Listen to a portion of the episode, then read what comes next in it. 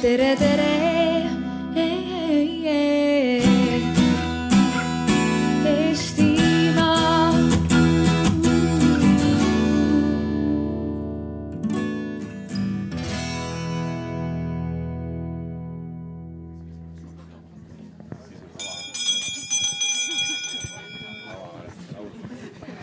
Tere tulemast äh, haridusalale.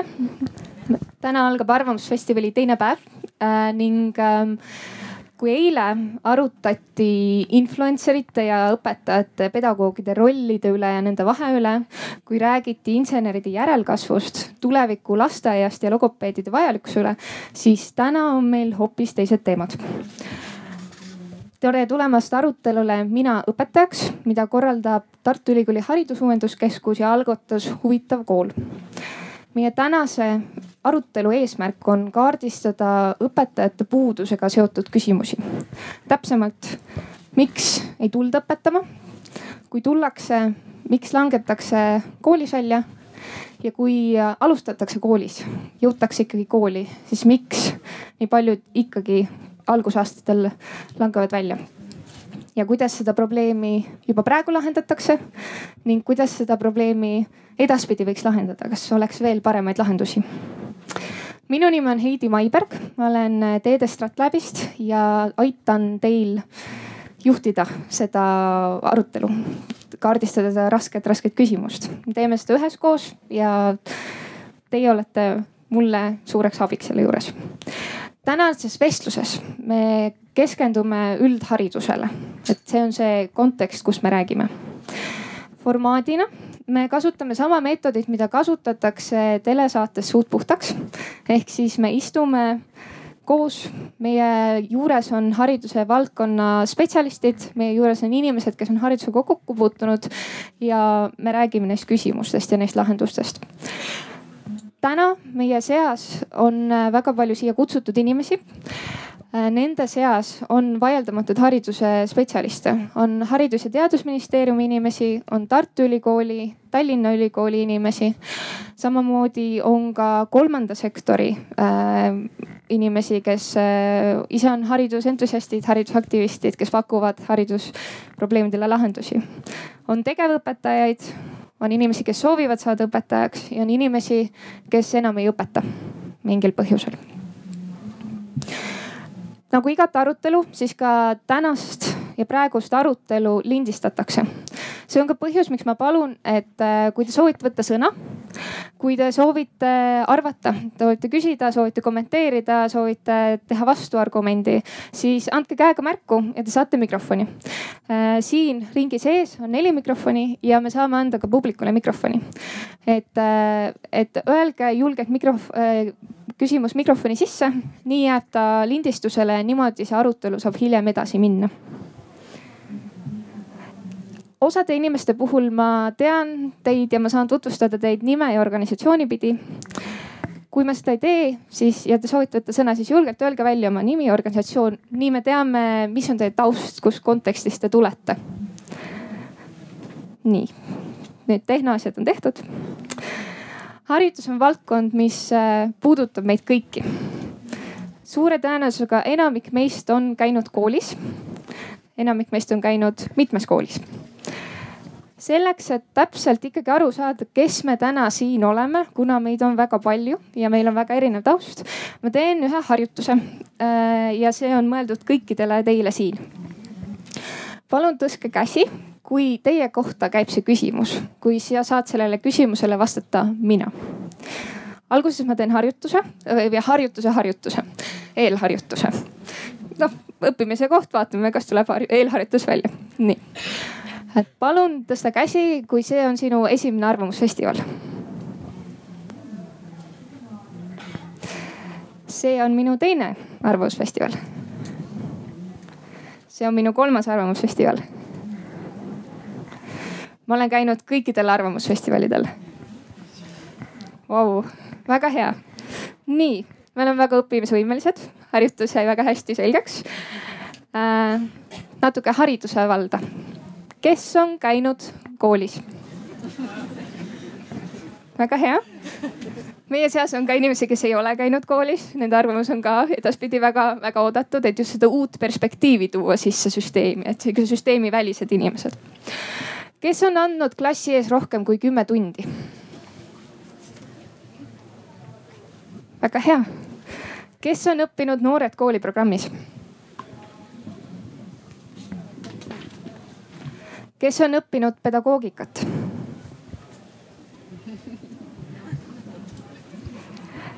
kes praegu õpetab?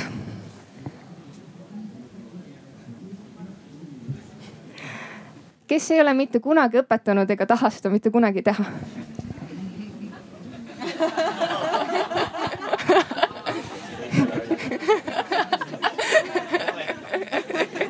kõik arvamused on oodatud kes on õpetanud, aga enam ei õpeta? väga hea. meie seas on äh, inimesed, kes on haridusvaldkonnaga väga seotud. Te teate haridusest, enamik teist on õpetanud. ma arvan, et meil tuleb väga äge ja sisukas arutelu. aga lähme siis täpsemalt tänase teema juurde. mõned faktid. Eesti õpetajaskond vananeb. TALIS kaks tuhat kaheksateist uuringu järgi keskmine seitsmenda kuni üheksanda klassi õpetaja on neljakümne üheksa aastane seejuures viiskümmend neli protsenti õpetajatest on üle viiekümne aastased. on neid, kes lähenevad pensionieale, on neid, kes on pensionil või on pensioniealised, võiksid tegelikult mitte õpetada. Eestis on äh, kaks ülikooli, kes õpetavad õpetajaid. Klassiõpetaja, aineõpetajate õppekavade katkestamise ja mittelõpetamise protsent on viiskümmend kuus ehk siis viiskümmend kuus protsenti inimesi, kes lähevad näiteks klassiõpetajaks õpetama, ei lõpeta õpinguid. pea pooled langevad välja. Alustavatest õpetajatest, kuigi see protsent on kasvutrendis, siis peale tulevaid õpetajaid kooli, uusi õpetajaid on kogu õpetajaskonnast kuus koma kolm. ja alustav õpetaja kui vaatame süsteemi ja kes sinna sisse läheb, ta ei ole mitte kahekümne viie aastane või kahekümne aastane, ta on kolmekümne viie aastane inimene. keskmine alustava õpetaja vanus on kolmkümmend viis ja need noored või noh, need kolmekümne viie aastased, keskmiselt kolmekümne viie aastased alustavad õpetajad, kaheksasada, kui, kui neid on kaheksasada, siis äh, teise õppe, teist õppeaastat neist jätkavad seitsekümmend kolm protsenti pea veerand ei jätka teisel aastal õpetamist. kolmandal jätkavad kuuskümmend üks protsenti.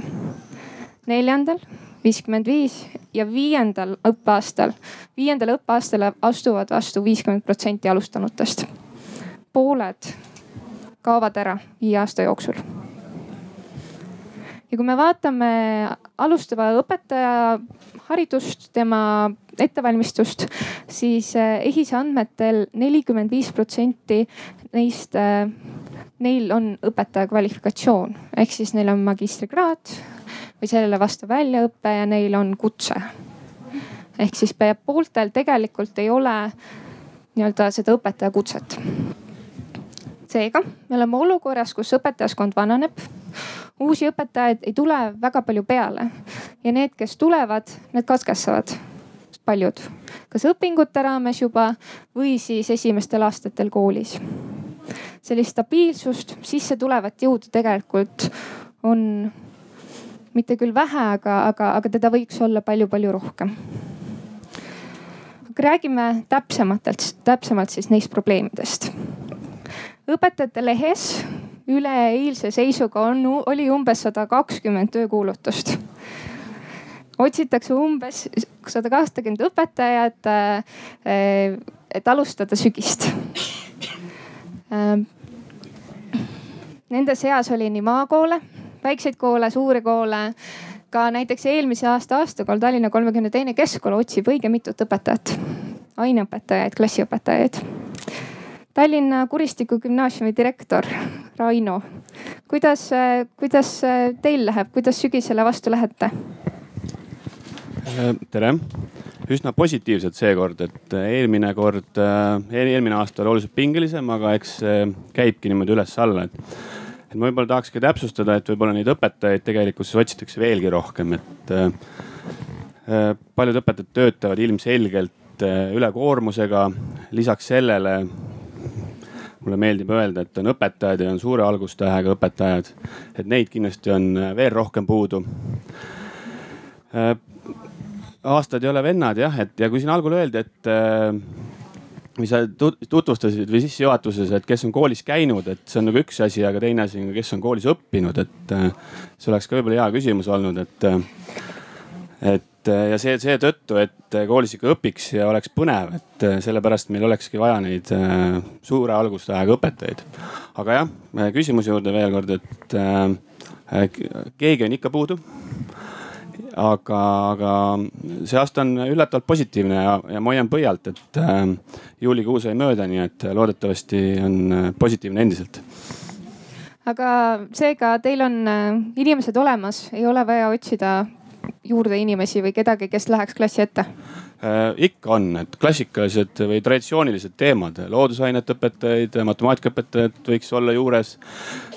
Kindlasti tänase, tänase päeva valguses me räägime ju kaasavast haridusest, kus äh, üha rohkem tuleb äh, diferentseerida õpet ja selle, selles valguses on äh, inimesi puudu loomulikult. ma tahaks ikkagi arvu teada, mitut inimest otsite, võib-olla leiate siit, siin on väga palju õpetajaid. kui ma ütlen näiteks viis, et siis oleks praegu väga hea aga kui ma leian, mul on kindlalt on vaja praegu ühte inimest, ülejäänud me klapime kuidagi ära, et mis ei ole muidugi ideaalne. Ja see kindlasti seabki omaette need probleemid ja, ja pinged, et miks vahest on nii-öelda õpetajad üle kurnatud, väsinud äh, äh, ei saa teha seda, mida me tegelikult tahaksime võib-olla teha kooliarenduses, aga me peame tegelema selliste, kuidas öeldakse siis tulekahju kustutamisega, et Kuristiku kool, väga tore kool, võtke hiljem Rainuga ühendust, kui on huvi liituda. Äh, Kristi Haridus- ja Teadusministeeriumist. mis äh, põhjustab sellise õpetajate puuduse, kuidas teie süsteemi loojatena, seadusandjatena või seaduse loojatena seda asja näete? No mis põhjustab õpetajate puuduse, no õpetajate puudusest rääkides me võib-olla ei saa seda teemat päris äh, nii suures pildis üldistada, et öelda, et igal pool ja, ja, ja kõiki õpetajaid on puudu, et me teame neid kitsaskohti tegelikult ju süsteemis, et nii nagu juba oli eelnevalt juttu, et tõesti loodusainete õpetajad ja matemaatikaõpetajad on on need, keda, eh, keda süsteem kõige enam vajab ja kus on eh, neid vanemaid pedagooge ebamõistlikult palju ja tulebki mõelda sellele, et kuidas, kuidas neid tööl hoida. et selles mõttes ta on selline selline teema, mis, mis jah, on, on võib-olla valdkond ja, ja puudutab tegelikult ka võib-olla Tallinnat ja Tartut ja selliseid suuri arenevaid piirkondi rohkem ja, ja ja, ja noh, mida, mida võib-olla veel selle õpetajate puuduse juurde öelda, on see, et ta on selline natukene võib-olla ka tänases päevas ehk siis augustikuu kool, kool on kohe-kohe algamas ka, ka jälle sihuke natukene nagu, nagu võimendatud teema ehk et koolid tahavad alustada öö, nende suure algustähega õpetajatega ja, ja vaadata üle, üle seda, et kes sinna klassi ette lähevad, et, et võib-olla jah, selles mõttes see selline hästi kuum teema on ta täna aga mis need põhjused on, noh põhjuseid on, on väga palju ja me võime alustada põhjuste otsimist ainuüksi sellest, et õpetajaameti sisu on muutunud. tegelikult, kui vaadata täna üldse tööturgu ja, ja, ja seda, mis, mis, mis ka mujal sektorites toimub, et, et kõik see, et noh, me ei räägigi võib-olla ainult täiskoormusega õppijatest, me räägime või õpetajatest, me räägime osakoormusega õpetajatest ja me räägime ka sellest, et, et tööjõu kuidas ma ütlen, liikumine on saanud niivõrd suureks normiks, et see on, see puudutab ka täna oluliselt rohkem koole kui kunagi varem.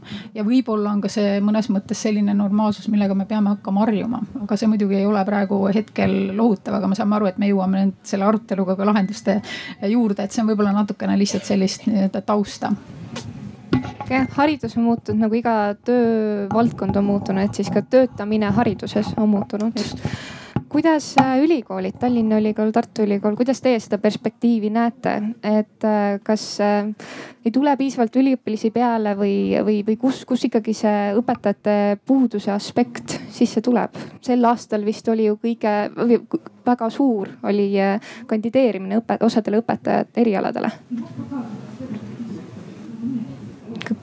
kumb soovib alustada, Tartu või Tallinn no ma alustan siis, Jüri Kurvis, Tallinna Ülikool. ma ise olen nagu kahe õppekava juht ka praegu hetkel Haridus-Teadus Instituudis, üks nendest on mitmeaineõpetaja. ja viimaste aastate jooksul on ikkagi nende kandidaatide arv ikka pidevalt kasvanud. aga sellele on kaasa aidanud ikkagi pigem meie suur töö me oleme oma õppekavad ikkagi väga palju paindlikumaks muutunud. me oleme sisseastumistingimustes äh, kõvasti teinud muudatusi ja väga kõvasti muutnud ka õppekava ülesehituse sisu ja eks me saame aru, et vist üle poole meie tudengitest on tegelikult ju, ju õpetavad.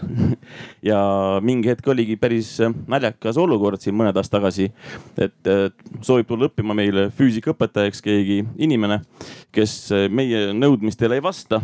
ja, ja siis ma pean ta põhimõtteliselt sisseastumiseksamilt tagasi saatma koju nii-öelda ja täpsemalt ta ei lähe koju, läheb kooli siis ta juba töötab koolis viisteist aastat. ja see oligi sihuke absurdne olukord meil aastaid tagasi, kus tegelikult õpetaja töötab koolis juba ja väga pikka aega ja nüüd tahab tulla õppima juurde, aga minu sisseastumistingimused ei vasta talle. eks see oli suur väljakutse meie jaoks ja me oleme palju vaeva näinud ja, ja nüüd on meie õppekavad ikka palju paindlikumad ja on võimalik õppida õpetajaks ka nüüd ka kolme aasta jooksul. aga samas jällegi seesama mitmeaine õpetaja on selline niimoodi üles ehitatud, et kui tahad, võid ka kahega lõpetada. et see on väga paindlik asi ja samas ma ju õpetan, kuna ma olen matemaatikadidaktik, siis ma õpetan ju tulevasi matemaatikaõpetajaid. ja ma saan ka öelda, et need muudatused, mida tehti õppekavades ja õppetöö korralduses on kaasa aidanud ja meil on tunduvalt rohkem matemaatikaõpetajaid. on mingi hetk oli meil siin, ütleme viis-kuus aastat tagasi iga aasta kolm-neli õpetajat ja noh, siis need kaks-üks lõpetab ja siis võib-olla veel pool läheb kohale kooli õpetajaks. Ja siis oligi suur probleem meil, et, et ei jõuagi keegi kooli. Ütlen ausalt, minu poole pöörduvad erinevad firmad, ma ei tea, reklaamiga tegelevad firmad, suured reklaamiga tegelevad firmad ütlevad, anna mulle tudengeid, sest teie matemaatika tudengid, õpetajad on jube head. ma tean neid, et, et, et tegelikult nendel lõpetajatel on väga suur valik tööturul ja, ja nende oskused äh, on ikkagi väga oodatud. mitte ainult kooli, vaid mujal, sest ja nüüd ongi nüüd väga hea konkurents seal, ütleme erasektori näol koolile. et äh, ongi nii mõnigi tudeng mul tegelikult erasektoris praegu, aga käib loengutes ja noh, eks ma püüan meeldida neid kooli kuidagi jumal tänatud, et meil on nüüd see süsteem, et põhimõtteliselt sa tuled esimene semester meil õppima ja alates septembrist lähed kohe kooli. et noh, et me teeme pidevalt seda lobitööd, vaata kui hea on koolis, väga huvitav on koolis. vaata kui kihvt on, kui pärast sinuga kohtumist laps muutub ja ta muutub. kui sa mõtled selle peale, et, et te võiks koos muutuda ja, ja liikuda kuhugi edasi.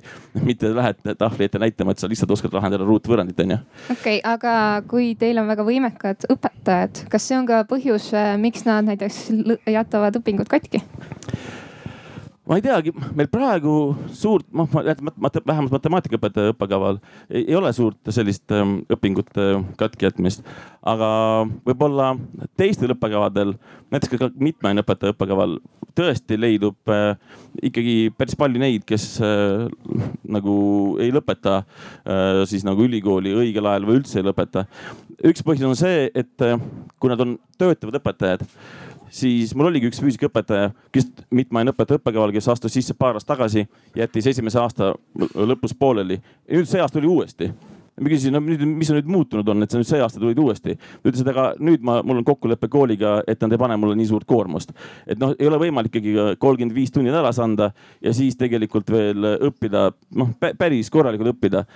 Neid, no ütleme, neid kontakttunde on loomulikult tunduvalt vähem kui minu ajal, kui mina õppisin, aga ikkagi see on päris suur maht. aitäh äh,. kuidas Tartu Ülikool seda näeb, et mis on põhjus, miks äh, üliõpilased langevad välja?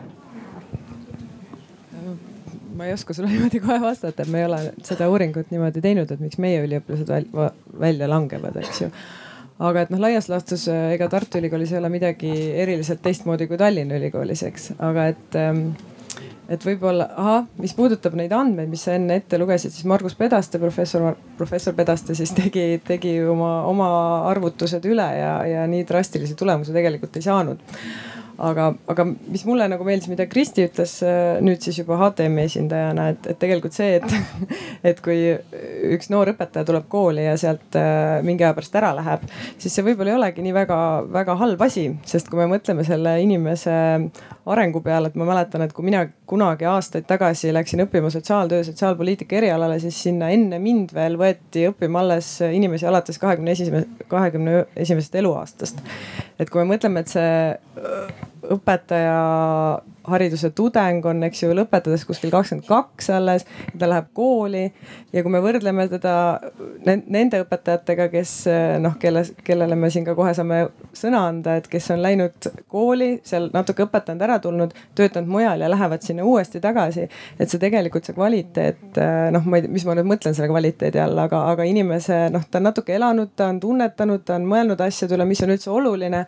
et see, ma arvan, et see mudel minna ja tulla tagasi tagasi et see, see on iseenesest päris hea ja, ja ma rohkem nagu seda, seda aega siit ei võtakski, kuulaks nende inimeste lugusid, sest et, et meil on küll hästi tore on kuulata hästi palju statistikat, aga et seal taga on inimeste lood ja et see inimelu mõõtmine niimoodi arvudes ei anna meile, noh, kui me tahame tõesti teada, et midagi paremaks teha, siis see meile palju ei anna.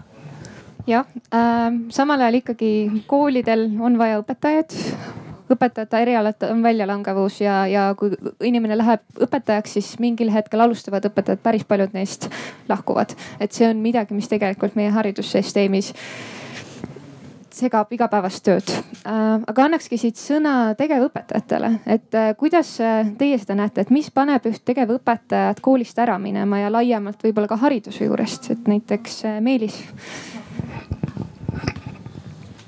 nii, miks ära minnakse?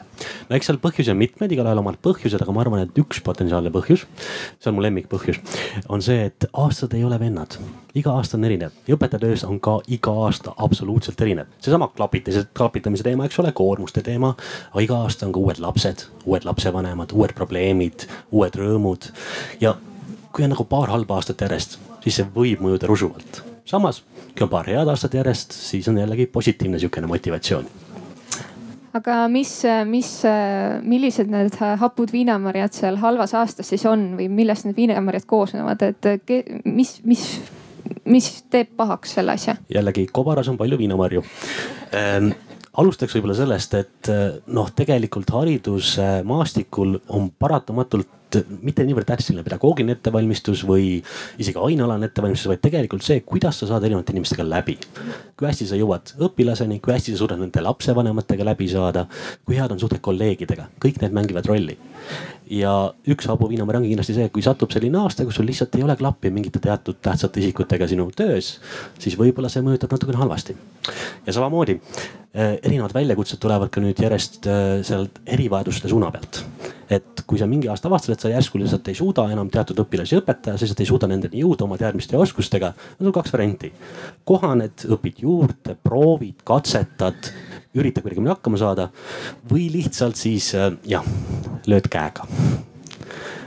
esimene variant on parem, aga võib juhtuda, et lihtsalt selleks ei ole enam energiat mingi hetk, kui neid tuleb väga palju ja pead väga tihti ümber muutma jälle neid omandatud teadmisi aitäh sulle, soovib mõni tegevõpetaja täiendada, äh, tuua, tuua siia kobara, selgitada, mis seal kobaras veel on?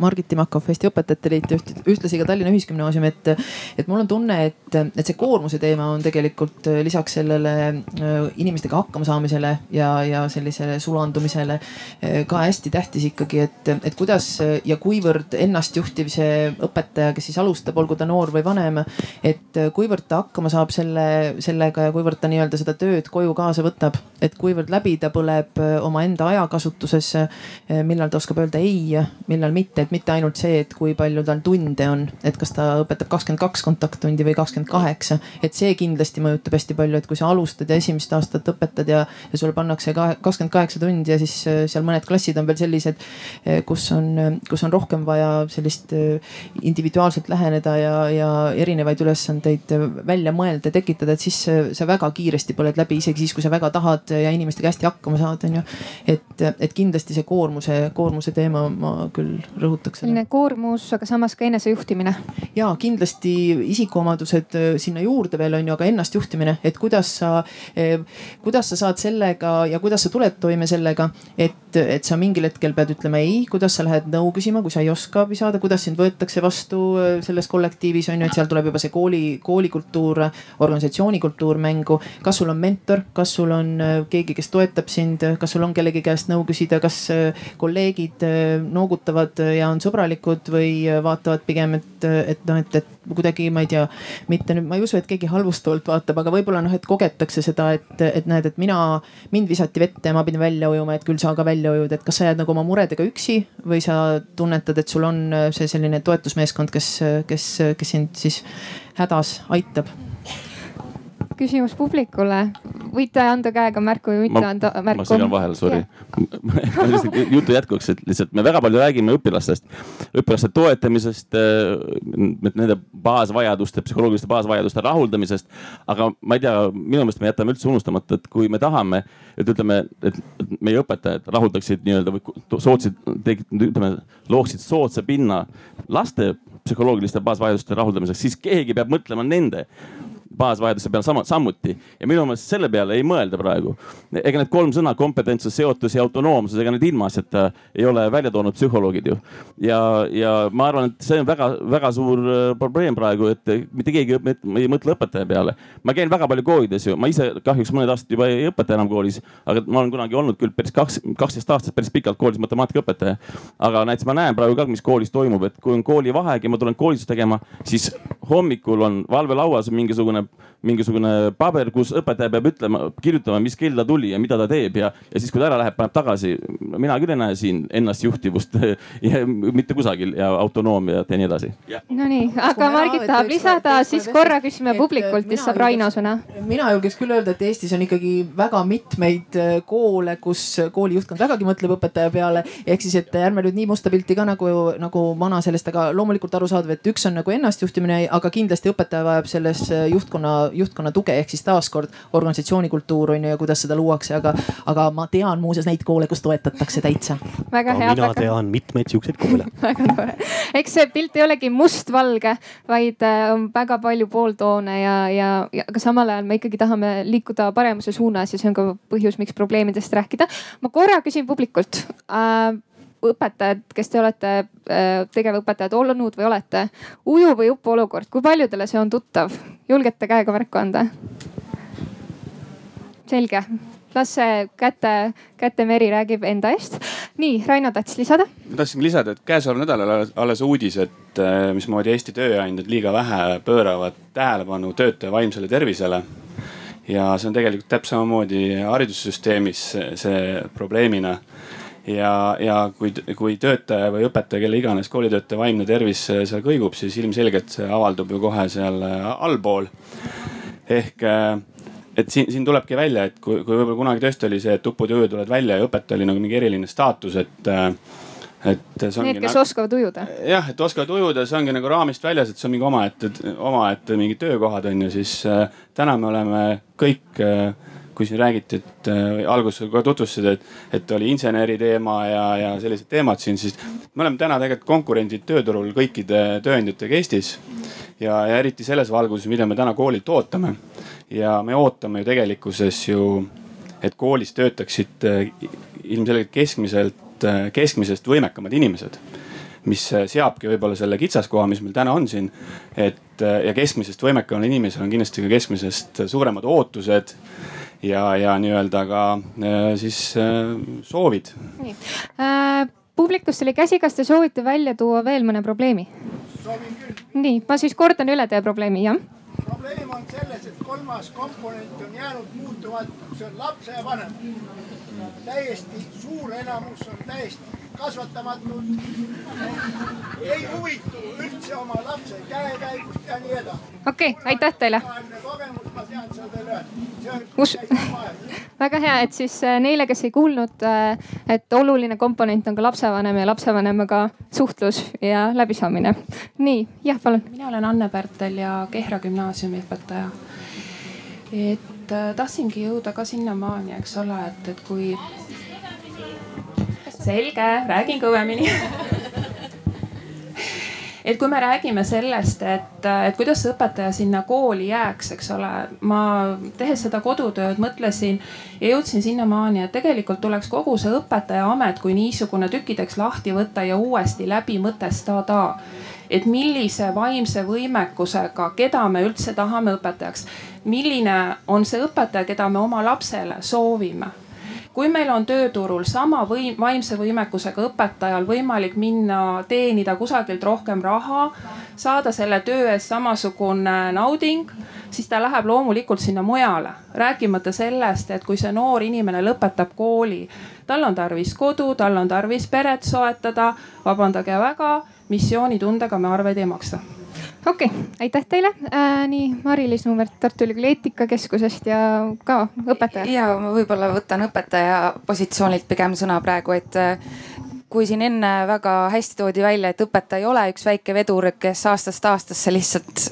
sõidab sõidab täpselt sama, sama jõuga ja räägiti sellisest nagu vaimsest nagu baasist, mida on vaja hea õpetaja olemiseks. siis äh, siin tuli välja see teine põhjus, mida ma hästi tihti tegelikult kuulen äh, Ähm, enda, enda, endaealiste õpetajate käest äh, põhjuse, miks minnakse koolist ära, on äh, võib-olla sellise ähm, karjäärimudeli puudumine, et mis juhtub siis, kui õpetaja on olnud koolis kolm, neli, viis, kuus, seitse aastat.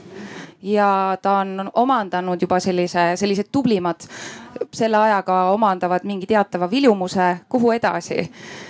Mul on selline tunne, et äh, hästi paljud sellised äh, alustavad äh, inimesed, kellest võiks saada mingil hetkel need õpetajad suure Õ-tähega, kasvavad koolist välja, mul on kahju öelda. või siis võib-olla võiks julgustada nende koolist välja kasvamist aga nii-öelda kooli kuidagi kooliga, kooliga seotuks jätmist, et võib-olla see karjääri Äh, karjäärimudeli teema oleks üks äh, küsimus, mis mulle meeldiks siin arutellu võtta. ja, et äh, lahenduste ja uute lahenduste aspektis ma arvan, et see on midagi, mida me saame kasutada, et kuidas rohkem toetada inimest, kuidas rohkem leida seda perspektiivi. ja palun. tere, Heidi Uustalu, Kiviõli Esimese Keskkooli koolijuht ja Eesti Koolijuhtide Ühenduse juhatuse liige ma olen sada protsenti nõus, alustav äh, töötaja, vahet ei ole, kus ta töötab tegelikult koolis äh, või, äh, või Kingsepa töökojas, tegelikult vajab tuge alustamisel. õpetaja saab ennast aidata ja, aga, aga õpetaja saab aidata ennast ka ise. kas see on nüüd lahendus ei, või see on probleem? ma, ma jõuan, ma tahaks küsida et, et tegelikult see Eesti keskmine õpetaja, see nelikümmend üheksa ja pluss ähm, ei ole väga valmis selliseks äh, koostöiseks õppimiseks, kuigi ka uuringud ütlevad, et äh, sellisel koostöisel õppimisel paranevad ka õpilase õpitulemused. minu, küsimus on, et kui palju on äh, praegu need äh, värsked õpetajad, kes ülikoolis õpivad ja sealt tulevad valmis selliseks koostöiseks õppimiseks, probleemide lahendamiseks, kui palju nende ettevalmistuses on praegu sellist osa, et kuidas, kuidas teile Tallinnas ja Tartust pilt tundub? No järjest enam, see on üks kahekümne esimese sajandi oskusi, mida me ja üld, noh, üks üldpädevusi, mida me ikkagist läbivalt äh, püüame järjest enam õpetada.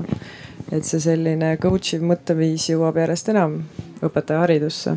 ja, ja huvitav on tegelikult see, et, et kui me vaatame, kui palju inimesi tahab tulla õppima haridusinnovatsiooni õppekavale võrreldes õpetajaks õppimisel, siis see tegelikult see osakaal on märkimisväärselt suurem.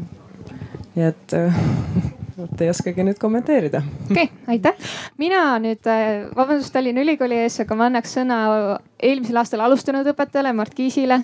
kuidas sina seda pilti näed, kui palju on koostööd, äh, milliseid muresid on äh, inimesel, kes astub esimest korda klassi ette ja peab hakkama saama, peab ujuma?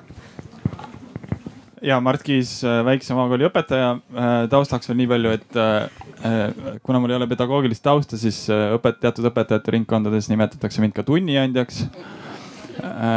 Neid on, ma saan aru, juba päris palju Eesti koolides, neid tunniandjaid aga koostöö, kuigi, kuigi Tartu Ülikoolist kostus, et, et koostööle pannakse rõhku, siis äh, ma noh, selles julgen kahelda, et nii nagu ma ka enda kogemuselt näen ja, ja enda ümber ka näen, siis tegelikult äh, tudengitel need koostööoskused äh, sageli tulevad kuskilt mujalt väljast hoopis, ülikoolist väljast. et kas nad siis tulevad või ei tule, kui nad ühe korra sinna kooli jõuavad, ka mina sinna kooli jõudsin, siis see tegelikult oli üli vajalik äh, oskus äh,, mis minul äh, mingil määral siis oli olemas äh,. ma nägin, et äh,, et selles kollektiivis paraku ei olnud äh, väga äh,, kuigi oleks võinud olla, ma tundsin sellest puudust äh,. sest et ma näen, et äh, see koostöö, mis, kui ta on olemas, siis see sünergia tegelikult, mis sellest võib tekkida äh, ühes toredas koolikollektiivis, on tegelikult see, mis võiks äh,, võiks seda äh, õpetajat, noort õpetajat seal, seal koolis, koolis hoida. et, et see on tegelikult asi, millele kindlasti peaks äh, palju rohkem rõhku panema. Siis kuidas on koolis töötada, kuidas on su äh, kollektiiv, kuidas te koos töötate? just nimelt. selge, aitäh. jah ja ma, ma lisan ühe mõtte veel siia, sinna Viinamarja kobarasse, natuke lähen tagasi selles arutelus võib-olla, aga ma tooks selle tondi ikkagi sealt kapist välja, äh, et et ühiskonna kuvand, miks, miks lähevad võib-olla noored koolist ära või miks üldse ei minda õpetajaks õppima, ikkagi ma tooks selle palgateema siia sisse, et äh, kuigi jah, kõik õpetajad, ma saan aru, on need äh, paratamatult, kes töötavad missioonist äh, ja see on väga tore äh,. aga kui me räägime ühiskondlikest, ühiskondlikest hoiakutest, siis ma saan aru, et üks tööriist, millega neid kujundada, on siiski, on siiski palk. ja, ja kui meil näiteks, kui me võrdleme näiteks IT-sektoriga, millele meil on tegelikult väga suur haip see on kindlasti väga oluline, et inimesed õpiks IT-d ja see on meie riigi edulugu. Ja me räägime sõnumist, et õpi IT-d ja mine ehita ükssarvikuid, onju, et et äh, samas me ei mõtesta seda, et koolis sa saad minna ja luua, võib-olla panna alus kümnele ükssarvikule, et, äh, et kuidagi nagu luua seda äh, ühiskonnas ikkagi, see kuvandi parandamise küsimus on ka minu arust hästi oluline. okei okay,, aitäh. me oleme siin praegu rääkinud, kuidas õpetajat paremini juhtida, kuidas, kuidas seda keskkonda luua. Triin Noorkõiv, sina töötad alustajate õpetajat toetavas koolis, seal all on seitsekümmend viis Eesti kooli. Te olete teinud uuringuid suhtleid just alustavate õpetajatega, et mis on see, mis neile muret valmistab, miks ei peeta vastu äh,. mis on need põhjused? nii üks-kaks, nüüd on kuulda, tervist ähm,. tulen siis tõepoolest sellisest organisatsioonist, mis kannab nime Alustavat õpetajat toetav kool ja see organisatsioon on sündinud äh, murest õpetajate järelkasvu üle ja vaadates äh, lahenduste poole, et mida me saaksime ette võtta. ja alustasime selle organisatsioonina täiesti vabatahtlikena tegutsedes, meie ümber oli terve hulk äh, õpetajaid, hiljutisi alustanud õpetajaid, kes tundsid kõik, et nende algus oleks tegelikult võinud minna märksa paremini. ja me intervjueerisime veel kümneid ja kümneid alustavaid õpetajaid selle juurde, et et aru saada veel paremini, et millest see alustamine sõltub ja üks teema võib-olla, millest me veel hetkel liiga palju pole rääkinud, on koolijuhtimise teema. toredasti Heidi naeratab mulle kohe siin üle vastu aga et, et hästi palju tegelikult me praegu juba näeme sellest, et et kui meil tegelikult kõigi takistuste kiuste, et ma ei tea, kas me räägime siin ühiskondlikult madalast palgast või madalast mainest ja, ja võib-olla ka teatud väljakutsetest, mis on seotud õpetajakoolitusega. et meil siis tegelikult ikkagi päris palju inimesi igal aastal ikkagi jõuab kooli Eel,.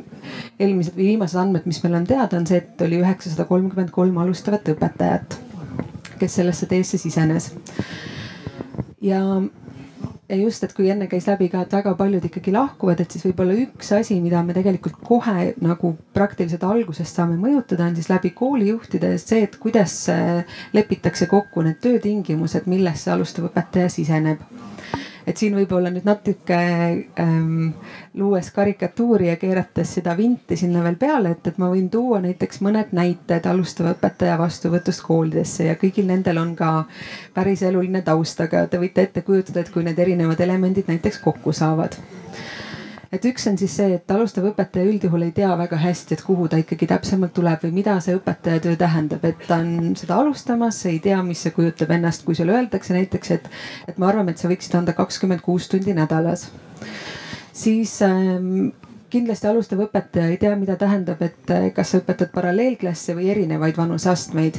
et kui sulle näiteks tuleb äh, ka väga, väga vabalt näiteks neli-viis erinevat klassi, et sa õpetad kolmas, neljas, kuues, kaheksas, üheksas ja kümnes klass näiteks et, äh, et sa hakkad igale klassile tegelikult tegema käsitööd selles mõttes, et sa pead õppima kõike selgeks seda õppekava ja kõiki neid nõudmisi, et mis seal üldse oluline on. aga et sul on neid vanuseastmeid lihtsalt väga palju meil on siin ka mitme aineõpetaja ainekava juhdi esindajaga, et ühesõnaga väga reaalne on ka see, et tegelikult eriti kui me räägime ka väiksematest koolidest, et siis ühe aine peale koormust täis ei saa. ja siis sa saad näiteks neli erinevat ainet veel ka selle sees, mida sa õpetad, et see võib olla füüsika, keemia, bioloogia ja geograafia näiteks. aga võib ka olla kehaline, kirjandus, inglise keel ja võite ise edasi mõelda veel mõne aine ähm, me teame ka seda, et tegelikult alustav õpetaja ei oska liiga palju alguses küsida, kui ta töölepingu laua taga on ja vestlusi peab. et ja, ja võib-olla mõnikord ka koolijuhil läheb meelest ära ütelda, et me teame näiteks ka juhuseid, kus esimesel septembril alustav õpetaja avastab, et ta on ka klassijuhataja näiteks. Ähm, mõni näide veel, üks võib-olla mu lemmikutest on ka see, et, ähm, et kui juht sõlmib siis alustava õpetajaga kokkuleppe, et alustav õpetaja tuleb tööle, et siis töölepingu algusaeg on esimene september ja te võite siis ette kujutada, et kui ka osa infot sellest, mis on need ülesanded, see tuleb ka kaasa esimesel septembril. et, ähm, et milline see elu siis olema saab ja alguses veel võib-olla on ka see, et sa osaled mõnel koosolekul ja koosolekul tihti jagatakse ka vastutusi. alustav õpetaja, kes alguses on entusiasmi täis, võib sattuda ka vabalt mõne ürituse korraldajaks, töögrupi juhiks, ainesektsiooni eestvedajaks ja nii edasi. ja kõik kolleegid ka rõõmuga usaldavad need ülesanded alustajale, sest et on ju ometi silmad säravad noor inimene tulnud ja, ja las ta teeb et, ähm, et see on see pakett, mille üks alustav õpetaja võib saada enne, kui ta üldse nagu ühe oma esimesse tundi on põhimõtteliselt jõudnud ja, ja kui meil on tõesti need inimesed, kes jõuavad kooli, et siis see on, me näeme, et üks hästi tugev koht, kus saaks seda äh, töökohta siis ütleme peenelt ka disainida. ja, ja sealt me näeme, et, et ongi kõik need probleemid, mida ma olen nimetanud ja mõned võib-olla veel lisaks on ka juurde tuua. aga et, ähm, et see on see pakett ja, ja võib hakata sealt tegelikult kohe otsast pihta lahendusi looma. ja see on minu meelest tore nii et haridusuuendajatel, direktoritel, õpetajatel tegelikult tööpõld on lai ja just luua seda uut struktuuri, luua uut süsteemi. aitäh. Evelin Salu äh, lõpetas eelmisel äh, või kaitses eelmisel aastal oma magistritöö. tema enda magistritöös keskendus sellele, et miks õpetajad lahkuvad ja seal töös on välja toodud, et algajate õpetajate jaoks on kõige keerulisemad just esimesed tööaastad, kui neilt nõutakse koheselt väga häid ainealaseid teadmisi ning ka kaasaegsete õpetamistehnikate, kaasaegsete õpetamistehnikate suurepärast valdamist probleem muutub algaõpetaja jaoks eriti aktuaalseks siis, kui ta ei saa endale vajalikku toetust kas mentori, tugispetsialistide ja, või kooli juhtkonnalt. ehk siis sa lähed, sa oled uus tegija ja sa pead olema ideaalne Mari-Liis, sa ütlesid enne arutelu, kui sa vastasid küsimustele, et ma saan hakkama tunded saavutamiseks võib alustajale kuluda aasta või paar. milles seisneb see ma saan hakkama tunne noore õpetajana või õpetajana, et, et, et ma tõesti, ma ujun?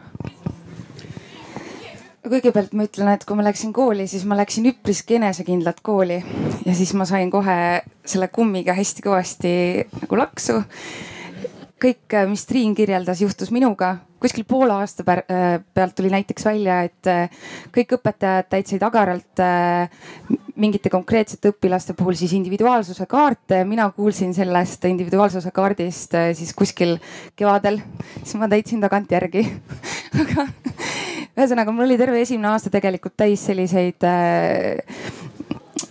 selliseid asju, mida ma ei osanud küsida. Siis äh, kõik see, mida Triin kirjeldas, et äh, mingi töörühma juhiks sattumine ja ma õpetasin nelja ainet ja viiendast kuni üheksanda klassini ja äh, erinevaid klasse ja, ja kellel oli kõigil erinev programm, et kõik see juhtus kuskil poole aasta peale ma juba siis uppusin ja selline koolientusiasm oli ära kadunud. ja võib-olla, mis mind aitas, selline hakkamasaamise tunne, kuidas see hakkas tekkima mina läksin kooli Noored Kooli programmi kaudu ja Noored Kooli pakub oma osalejatele väga head tuge, see tuge, see tugi on hästi mitmekülgne. mul oli õpipaariline, kellele keset ööd helistada, kui ma polnud nädal aega saanud magada ja ma olin lihtsalt hädas ja, ja võib-olla nagu selline in, inimlikult hädas, kellel neid asju rääkida. mul oli kaks didaktikut, kes käisid mind vaatlemas palju on selliseid äh, alustavaid õpetajaid, kes saavad hoobelda, et äh, neid käib äh, vaatlemas kaks oma, oma eriala spetsialisti ja tagasisidestamas, et see vilumus hakkas võib-olla tekkima just tänu nende tagasisidele ja, ja peale selle ka loomulikult Tallinna Ülikooli kutseaasta, et neid toemeetmeid näiteks Noored Kooli õpetajatel on väga palju. Neid on, neid inimesi on äh, neli-viis rohkem äh, kindlasti, kes seal äh, nii-öelda seda võrku loovad. Aga milles ikkagi see tunne seisneb, et kuidas sa tead, et ma nüüd saan hakkama, kas see on see, et sa oled läbi purenud selle süsteemi, sul on need tunnid valmis kirjutatud näiteks, et sa saad järgmisel, teisel või kolmandal aastal sul juba materjal olemas. Või, või sa te, tunned inimesi, kellelt abi küsida, et milles see tunne siis ikkagi seisneb? Kõigepealt mõlemat, ma arvan, et see teine asi, mille sa välja tõid, äh, see, et sa oskad küsida neid õigeid küsimusi kindlasti. see, et sa oskad abi paluda. ma pean tunnistama, et äh, mina arvasin, et äh, ma pean kindlasti ise hakkama saama, et kui ma ei saa. mul oli kinnitatud, et kui ma ei saa hakkama, siis ma ei sobi kooli. see oli kõige suurem võib-olla eksiarvamus, millega ma läksin. ja kohe, kui ma hakkasin abi paluma siis, äh, siis ma hakkasin kiiresti arenema ja ennast hästi, hästi ja, ja toetatult äh, tundma. aga võib-olla see nagu hästi isiklik vaade sellele hakkamasaamise tundele.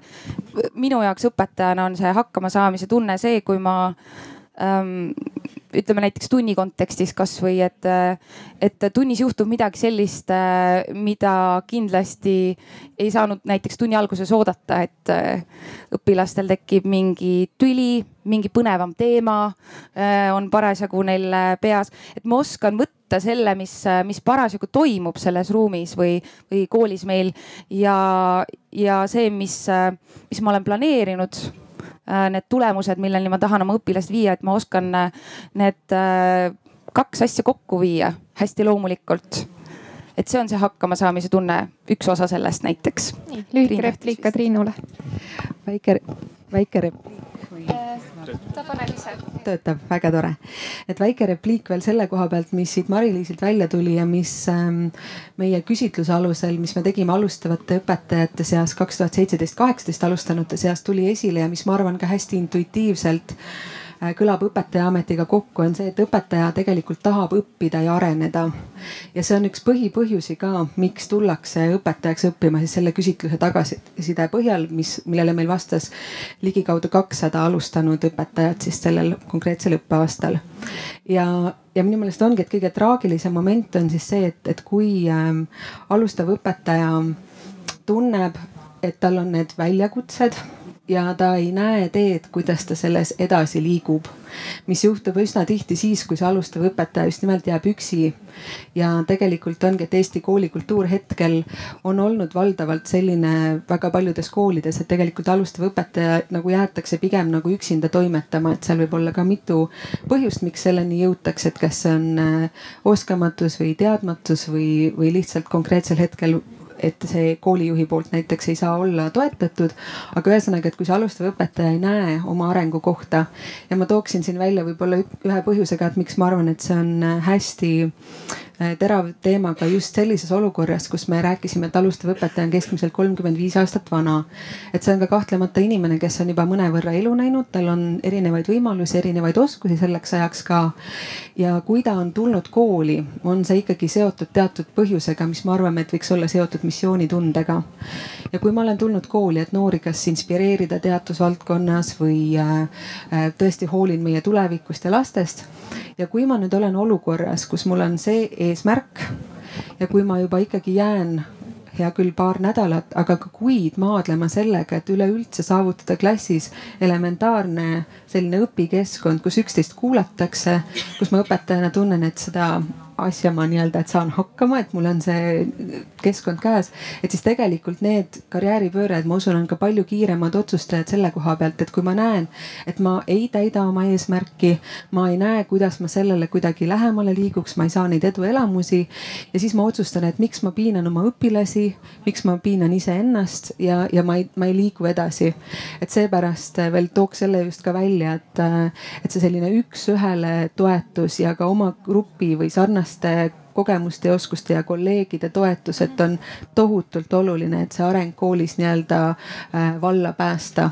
et, äh, et seda pean hästi tähtsaks. ja aitäh, Triin. ma näen ühte suure arengukohta, et alati võimalus äh, klassijuhatajaks siis hakata, et, et, et need, see, see on täna uus reaalsus, et koolis on tore ja vahva ja me räägime hästi palju tundidest ja sellest, aga, aga tegelik elu on sageli hoopis klassijuhataja elu ja see on äh, näiteks koolijuhtidele päris suur väljakutse, mismoodi ära manageerida nii-öelda siis äh, klassitöö korraldamine.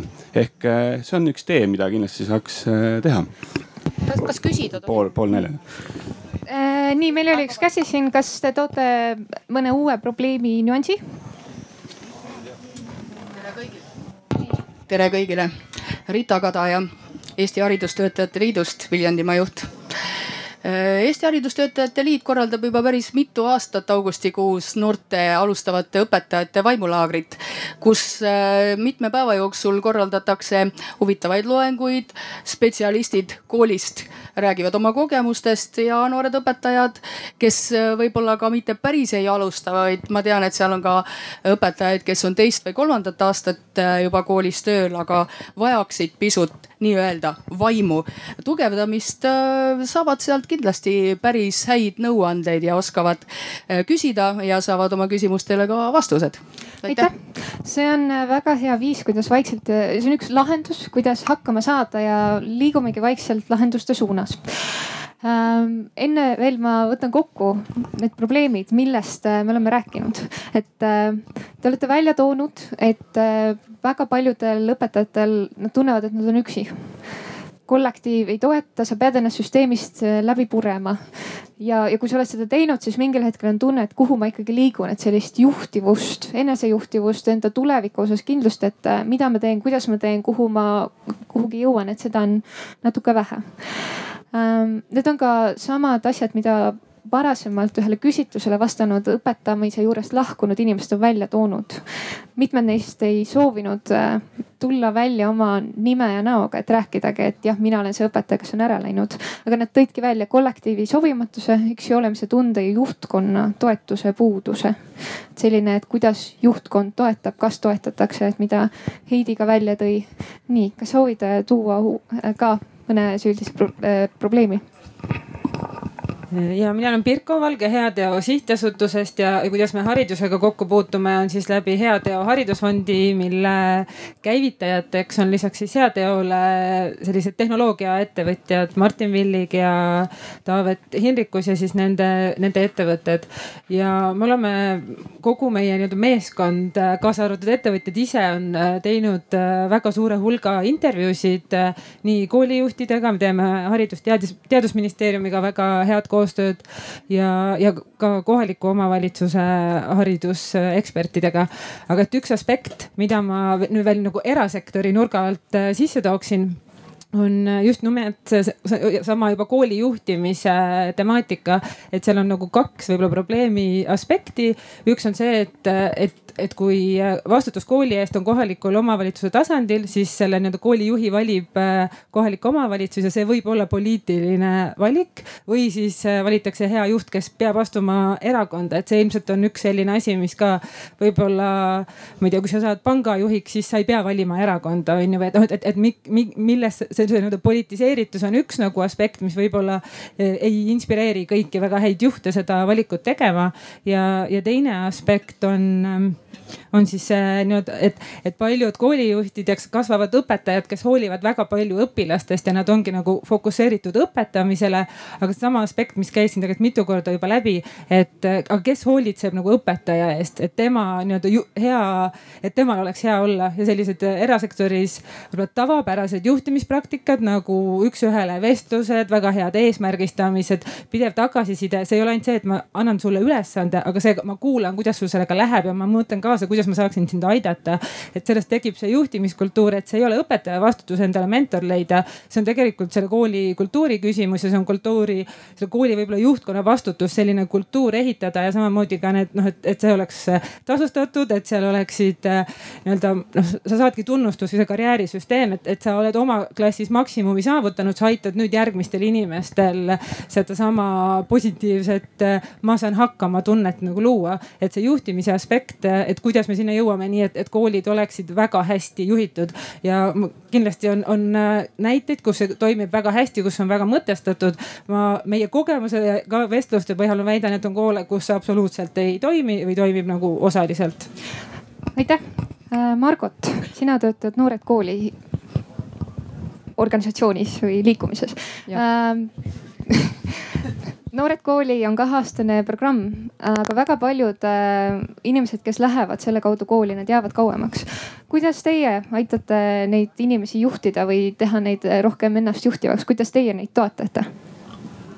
tere, tõepoolest mina Margot Lillemägi, Noored Kooli värbamisjuht ja siis ka vilistlane noored kooli puhul muidugi toon igaks juhuks esimese, esimese asjana kohe välja, et Noored Kooli põhieesmärk ei ole Eesti õpetajate puudusega tegeleda, et me küll toome igal aastal tõepoolest uusi õpetajaid kooli. aga see, kas nad sinna jäävad ka väga pikaks ajaks, et see ei ole nagu meie jaoks eraldi eesmärk. igaks juhuks toon selle välja. mida me teeme, on see, et me toetame tõepoolest nagu Mari-Liis juba enne rääkis sellest, et, et Noored Kooli programmis siis alustavad õpetajad saavad õpetamise ajal oluliselt rohkem toetust kui tõenäoliselt keskmine alustav õpetaja meil on tõepoolest mentorid, tuutorid, ainedidaktikad, kes käivad vaatamas, et kogu see selline nagu jooksev toetus õpetamise alustamise ajal on palju suurem kui, kui nendel, kes lihtsalt lähevad ise kooli õpetama niisama.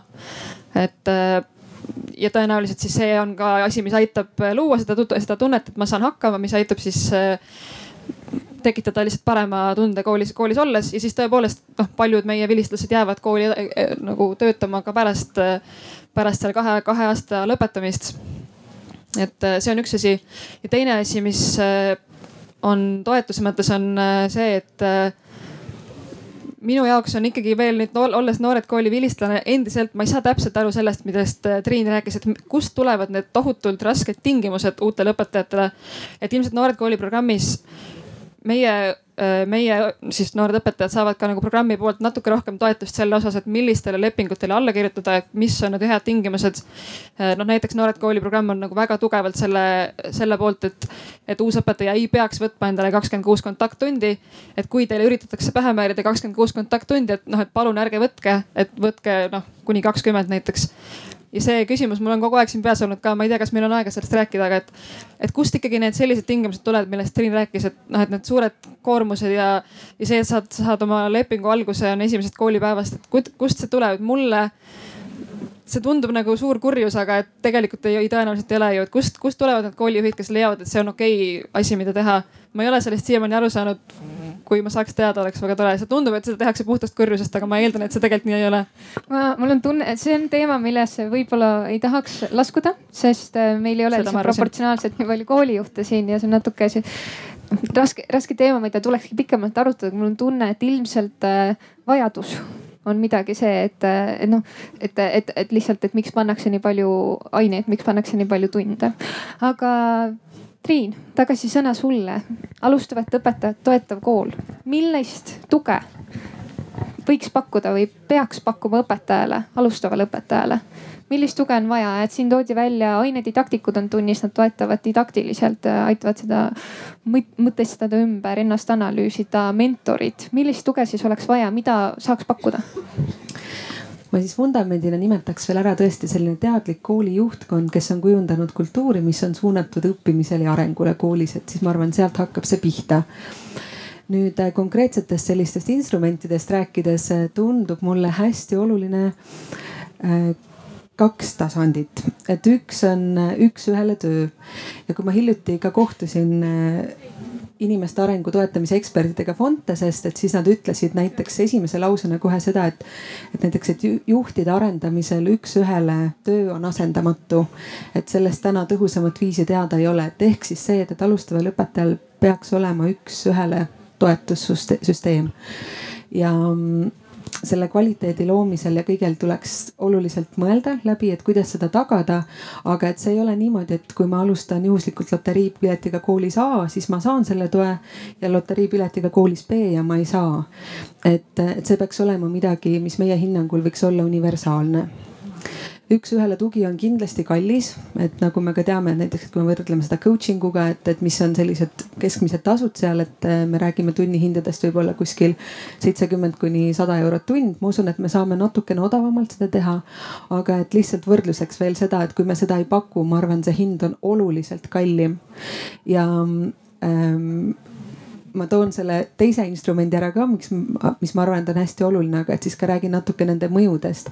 et, ähm, et teine instrument on see, et, et kui alustav õpetaja on ka ise toimetamas ja ta saab ka näiteks väga head üks-ühele tuge. et siis ta tegelikult vajab väga olulise nüansina ka sellist äh, normaliseerimist, et, äh, et teistel on tegelikult sarnased väljakutsed ja see, mida ma läbi teen, on tegelikult mitte minu enda puudujääk, vaid et see ongi alustamine ja see on õpetaja rollis alustamine, et tegelikult väga paljud väljakutsed on väga universaalsed alustavatel õpetajatel ja selleks oleks hea sellised äh, ringid, kus saaks alustavad õpetajad jagada oma kogemusi professionaalse eestvedamisega. et siin võib pärast küsida veel ka Mardilt natuke selle kohta nõu, et või, või kogemust, et, et sarnaselt, sarnaselt ringides on Mart ka osalenud näiteks. aga et, et mis on, ühesõnaga, et üks oleks siis see, et üks-ühele töö ja teine on see, et töö kolleegidega, oma eakaaslastega selles õpetaja karjääris ja ka siis ka tegelikult kogenud kolleegide selline sissevaade. ja et miks on, ma arvan, muidu meie ühiskonnale väga kallis, kui me seda ei paku, on see, et tegelikult juba ainuüksi selline juhendamise mõju võib tähendada õpilastele ühes aastas umbes pool aastat äh, õppimise efektiivsuse kadu ehk siis, et äh, küll mitte Eestis, aga ma usun, et meie Eestis ei ole ka väga eripärased selle poolest. aga et näiteks Ameerika Ühendriikides on konkreetselt mõõdetud alustava õpetaja tööd õpilastega ja, ja siis, kes saab tuge ja kes ei saa ja et see mõju on kuni pool aastat õpilaste arengule, et. et kõik, mis me teame, klassiruumi juhtimine võib vabalt minna jõuludeni välja, et sellega maadeldakse ja nii-öelda sisuliste tegevuste juurde väga asuda ei saa et seda siis esiteks ja teiseks on veel see nüanss, et, ähm, et ebatõhusa õpetamise ja õppimise mõju õpilastele kestab pikki aastaid. et tegelikult öeldakse, et kuskil, kui on negatiivne üks õpiaasta, et see vähemalt kolm aastat äh, mõjutab õpilasi väga tugevalt. ja teistpidi siis, äh, kui on jällegi positiivne, et see omakorda jälle loob sihukest tugevat vundamenti. kuidas ikkagi seda alustavat õpetajat toetada mm -hmm. selle juures? Mida me siis pakume välja, et ongi, et oleksid konkreetsed meetmed, mis oleks kättesaadavad igale alustavale õpetajale, et see ei oleks loteriipilet, et millisesse nagu tugisüsteemi sa satud, aga et oleks siis tagatud üks-ühele koostöö alustava õpetaja arengu nimel ja siis ka grupikohtumised alustavatele õpetajatele. kurjuse esindajale anname sõna, nii ma olen paarkümmend aastat olnud koolijuht ja nelikümmend aastat õpetaja. ma ei saa aru, et äh, kuidas see pilt nüüd nagu kujuneb selliseks, et see inimene, kes tuleb kooli, kellelt me eeldame, et ta on keskmiselt võimekam ja ta kindlasti ka on, ei saa mitte millestki aru, ei oska mitte midagi ja talle peab tuhat ükssada tuge alla panema. ma ei, ei, ei vaidlusta tuge ja toetamist, mida me koolides teeme. ma, ma ei saa aru sellest pildist ja nendest näidetest, nendest koolidest ja sellest koolikultuuri näidetest. ma olen imestunud. aitäh, äh, nii teie kommentaar? ma tean, äh, vastus on see, et äh, need noored õpetajad ei tea, et raamatust saab ka lugeda, et kuidas klassis tööd korraldada ja et, et saab ka internetist vaadata teiste maade kogemusi aitäh, kõigi arvamused on oodatud. ma võib-olla ma korra laseks vastata hoopis Margitile, tegevõpetajatele sellele küsimusele, et kui Triin tõi välja, milliseid toetusmehhanisme üks alustav õpetaja vajab ja soovib. et kuidas inimesega, kes on viis või kümme, kakskümmend viis, kolmkümmend viis, nelikümmend aastat seal vastu pidanud, et kas selliseid, sellisest toest oleks abi või see on midagi, mis ei ole enam vajalik, kui sa oled juba ujuma õppinud ja ujud? Peaks vist tegema selle küsimuse ringi, et tõstke käsi, kui te ei ole kunagi vajanud ja oma elus kunagi ei vaja tuge et ma nagu ei näe praegu ühtegi kätt, et ilmselgelt siis õpetaja, kes on töötanud kümme aastat, on ju. ei, see ei olnud suunav, sellepärast et ma noh, tahaks lihtsalt öelda seda, et eks see tugi on ju, on ka erinev, et kui see alustav õpetaja vajab, on ju kõiges selles, et info, informatsioonigi, et kust midagi ja mismoodi tehakse, sest ta on, ta ei ole seal selles koolis ennem või selles organisatsioonis ennem olnud, on ju, ja ta ei tea lihtsalt neid asju, et siis see Äh, juba mõned aastad või kauemgi koolis olnud õpetaja vajab äh, tegelikult äh, sedasama grupi kohtumist, kovisiooni, supervisiooni, coaching ut, kuidas me iganes me seda nimetame, selleks, et istuda ja arutada, istuda maha ja arutada neid probleeme, kuidas neid olukordi, mis meil üha rohkem tegelikult täna koolis ette tuleb, kuidas neid kõige paremal moel lahendada nii, et ta ise ka ellu jääb ja ta tegelikult järgmisel aastal tahaks ka koolis edasi töötada, ehk siis kuidas seda motivatsiooni säilitada, et ta ei töötaks seal siis äh, tunniandjana lihtsalt on ju, hoolimata sellest, kas ta on alustav või ta on kümme aastat, ta võib samamoodi olla tunniandja, et mismoodi me siis nagu, et mismoodi ta ennast ka identifitseerib. et kas ta, kui ta tahab töötada, siis ta tegelikult vajab ka seda tuge, ehk siis seesama abi küsimine, et, et see on ka kuidagi nagu selline võib-olla meile sisse kodeeritud selline võlts, äh, ma ei tea, selline tunnetus, et, et õpetaja ju ei vaja abi, et õpetaja saab ju alati hakkama ja kui ei saa hakkama, on ju, no vot siis ei olegi õpetaja või no mingi selline, et see, see on ka nagu müüt, mis tuleb tegelikult murda, et iga inimene, kaasa arvatud õpetaja, hoolimata sellest, kui mitukümmend aastat ta koolis on töötanud, vajab seda tuge ja see oleks üks mehhanism, et see selline üldine kovisioon väga vajalik. nii, üks lühike kommentaar Triinule ja siis on eh, Heidile sõna. ma korraks tahaksin lihtsalt tuua paralleeli õpetaja ja arsti elukutse vahel.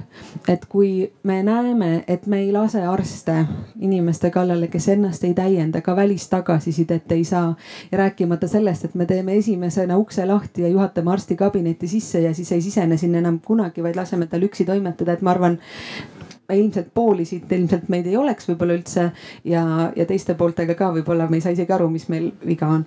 aga ühesõnaga, et, et selle korraks paralleeli tõmbaks, et, et tegelikult me õpetajale anname väga suure vastutuse ja see tähendab pidevat tagasisidet ja arengut, sest et paigalseis on tagasiminek paraku. nii, palun küsimus siia ja siis Pirkole kuulasin Mari-Liisi, muutusin murelikuks ja tahan, tahan väga küsida, et kust tekib ühe ale, alustava õpetaja sisse teised alustavad ka võivad vastata, see tunne, et ma pean alguses kohe olema nagu kõige parem, kõike oskama. et kes see kes see paneb selle mõtte sinu pähe või, või, või kust see tekib, miks peaks olema õpetaja midagi või kedagi sellist, kes, kes peab olema alguses kohe nagu selline meister, et miks ta ei anna omale seda õppimisaega, et kust see tunne sinu sisse tekib või tekkis mul on äh, kahju, ma katkestan selle küsimuse, sest see on juba viib meid tagasi probleemide juurde, et praegu ikkagi prooviks rääkida lahendust, et kui see tunne on tekkinud, et kuidas, kuidas lahendada. okei okay,, pakume lahenduse okay.. ma tegelikult tahtsin öelda, et äh, ma arvan, et õpetaja on üks üliväheseid ühiskondlikke rolle, töörolle, mille kohta on enamikul väga selline, ütleme, vaatlejad, äh, see publikul nii-öelda on väga palju selliseid rolli ootusi. ja inimene, kes astub sellesse rolli tabab neid ootusi, ta üritab olla need ootused.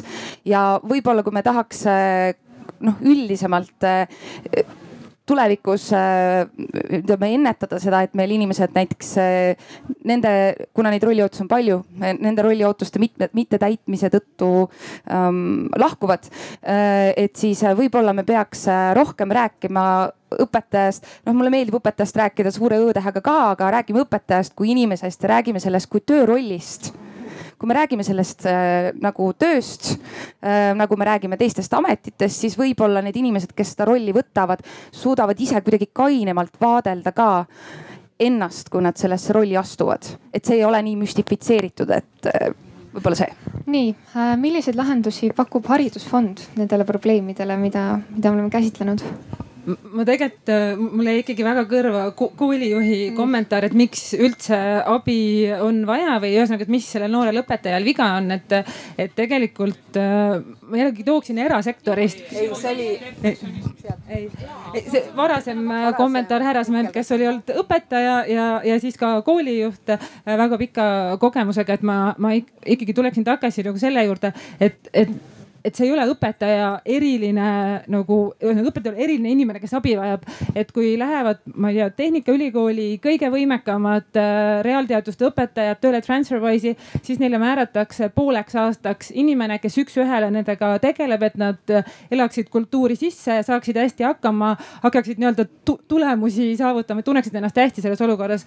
Neil on otsene juht, kes iga nädal nendega kohtub ja see, see ei ole nagu õpetaja mingisugune eriline puudujääk, et temast seda tuge vajab. samamoodi on väga suurte, ma ei tea, Swedbanka juhe, juhil võib-olla üks-ühele mentor, kes teda oma rollis äh, nii-öelda toetab ja arendab. et sellised nii-öelda toetussüsteemid on väga levinud erinevatel juhtimistasemetel, tasemetel ja ei näita kuidagi inimese ebapädevust, mitte hakkamasaamist, rumalust, väikest võimekust. et ma arvan, et mida võimekam inimene, seda rohkem tal on küsimusi, seda kiiremini ta suudaks areneda, kui keegi teda toetab. et see on nagu väga, ühesõnaga väga oluline asi ja ma arvan, et nagu haridusfondi poole pealt me oleme, väga toetame neid lahendusi, mis aita-, lähevad õpetajale lähemale, loovad seda kultuuri et kui võib-olla algselt on need lahendused väga keerulised, siis tegelikult küsimus ongi, et kuidas mentorluskultuuri sinna kooli sisse istutada, et see saakski igapäevaseks, et igas nagu igas toimivas ettevõttes on väga tugev mentorluskultuur, coach'id, tugev juhtimine, et seesama asi juhtuks ka tegelikult koolisüsteemis ja nagu Triin ütles, et see ei oleks loterii. et, et alustavat õpetajat toetav kool on üks väga tugev lahendus, mis me näeme, et loob väga olulist muutust. Me oleme esimene toetusotsus, mis haridusfond tegi, oli asendusõpetajatele programmile, mis osaliselt nagu leevendab seda probleemi, et, et aitab siis, kui, kui mõni õpetaja haigestub ja kuna ülekoormus on suur, siis haigestumisi on ka päris äh, tihedalt. et siis nii-öelda need ülejäänud ülekoormatud õpetajad ei peaks veel asendama seda äraolevat õpetajat, vaid et, et väljaspoolt kooli tuleks lisaressurssi äh, juurde, mis aitaks siis ära kvaliteetselt asendada tunnid, mis ära jäävad koolides. me näeme selle programmi puhul juba seda, et see on üks viis karjääripöörajatele nii-öelda tulla testima, et ma olen alati unistanud ja uuringute järgi vist kakskümmend tuhat inimest vähemalt Eestis on valmis töötama õpetajana, nii et see, see nii-öelda ringkond on suur, et see on neile võimalus tulla ja, ja proovida, et kas ma siis tegelikult ka, kas see võiks olla minu kirg, kas ma tahan seda järgmised kümme, kümme, kakskümmend aastat ja esimesed juhtumid juba, kus inimesed on kooli läinud, on, on ka olemas.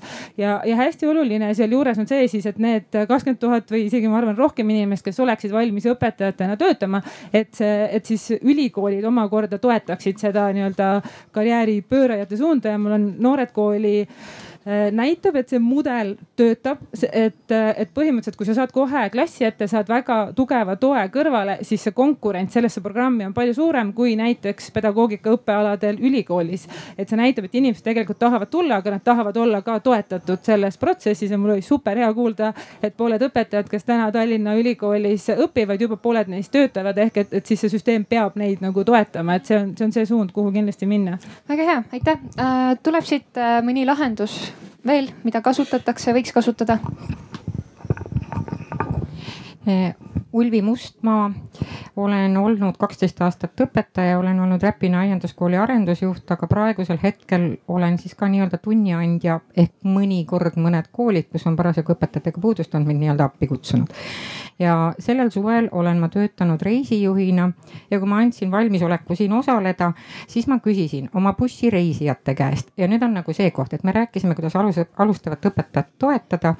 aga mina tahaksin öelda seda, et me elame tegelikult kõik omades mullides ja haridusmaailm ja kõik need valdkonnad elavad omas mullis ja arvavad, et nad õudselt palju teinud mina pidasin bussireisidel tagasi teel siis ka niisugust haridusdiskussiooni ja küsisin igas bussis, kus on suurusjärk nelikümmend inimest, et kes teist on kuulnud PISA testidest ja nende tulemustest?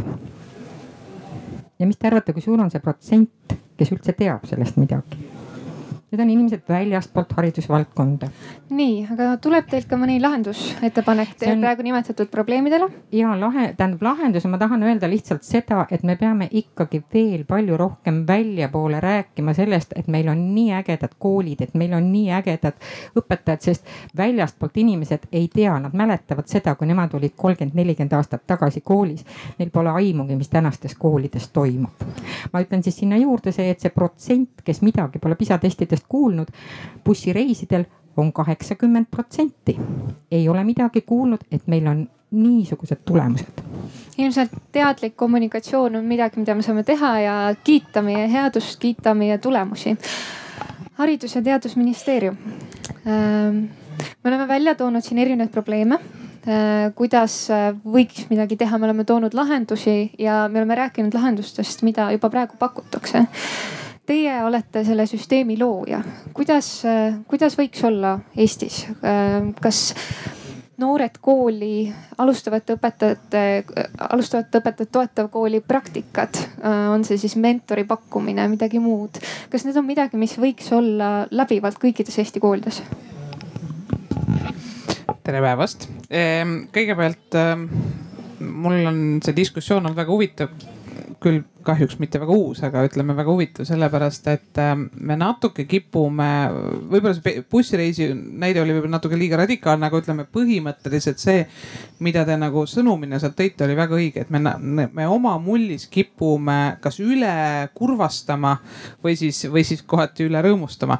aga, aga see on, see on normaalne, sest haridusklann, kuigi seda on seitsekümmend tuhat inimest Eesti Vabariigis, on, on siiski, on ka üks mull. Ja, ja kui nüüd lahendustest rääkida, siis esimene märksõna on loomulikult koolijuht absoluutselt, et äh, koolijuhi enda areng, koolijuhi toetamine. Ähm, ma nüüd natuke selle poliitika koha pealt ütleks, et äh, kuna me teeme ka hästi palju koolijuhtide äh, konkursse, siis, siis ma, ma, ma vabandan, et ma natuke üldistan, aga ütleks nii, et poliitikaga vabandavad need, kes on keskmiselt kehvemad ähm, ma, ma ei näe enam neid kohalikke omavalitsusi, tõesti, ma julgen siin öelda, kes, kes nüüd kuidagi survestaks koolijuhte täna ja loomulikult enne valimisi alati kutsutakse, aga, aga nüüd selle peale kuidagi lahti lastakse, see, on, see on pigem täna täielik erand. aga häid koolijuhte ja häid lasteaiajuhte, see otsing käib kogu aeg.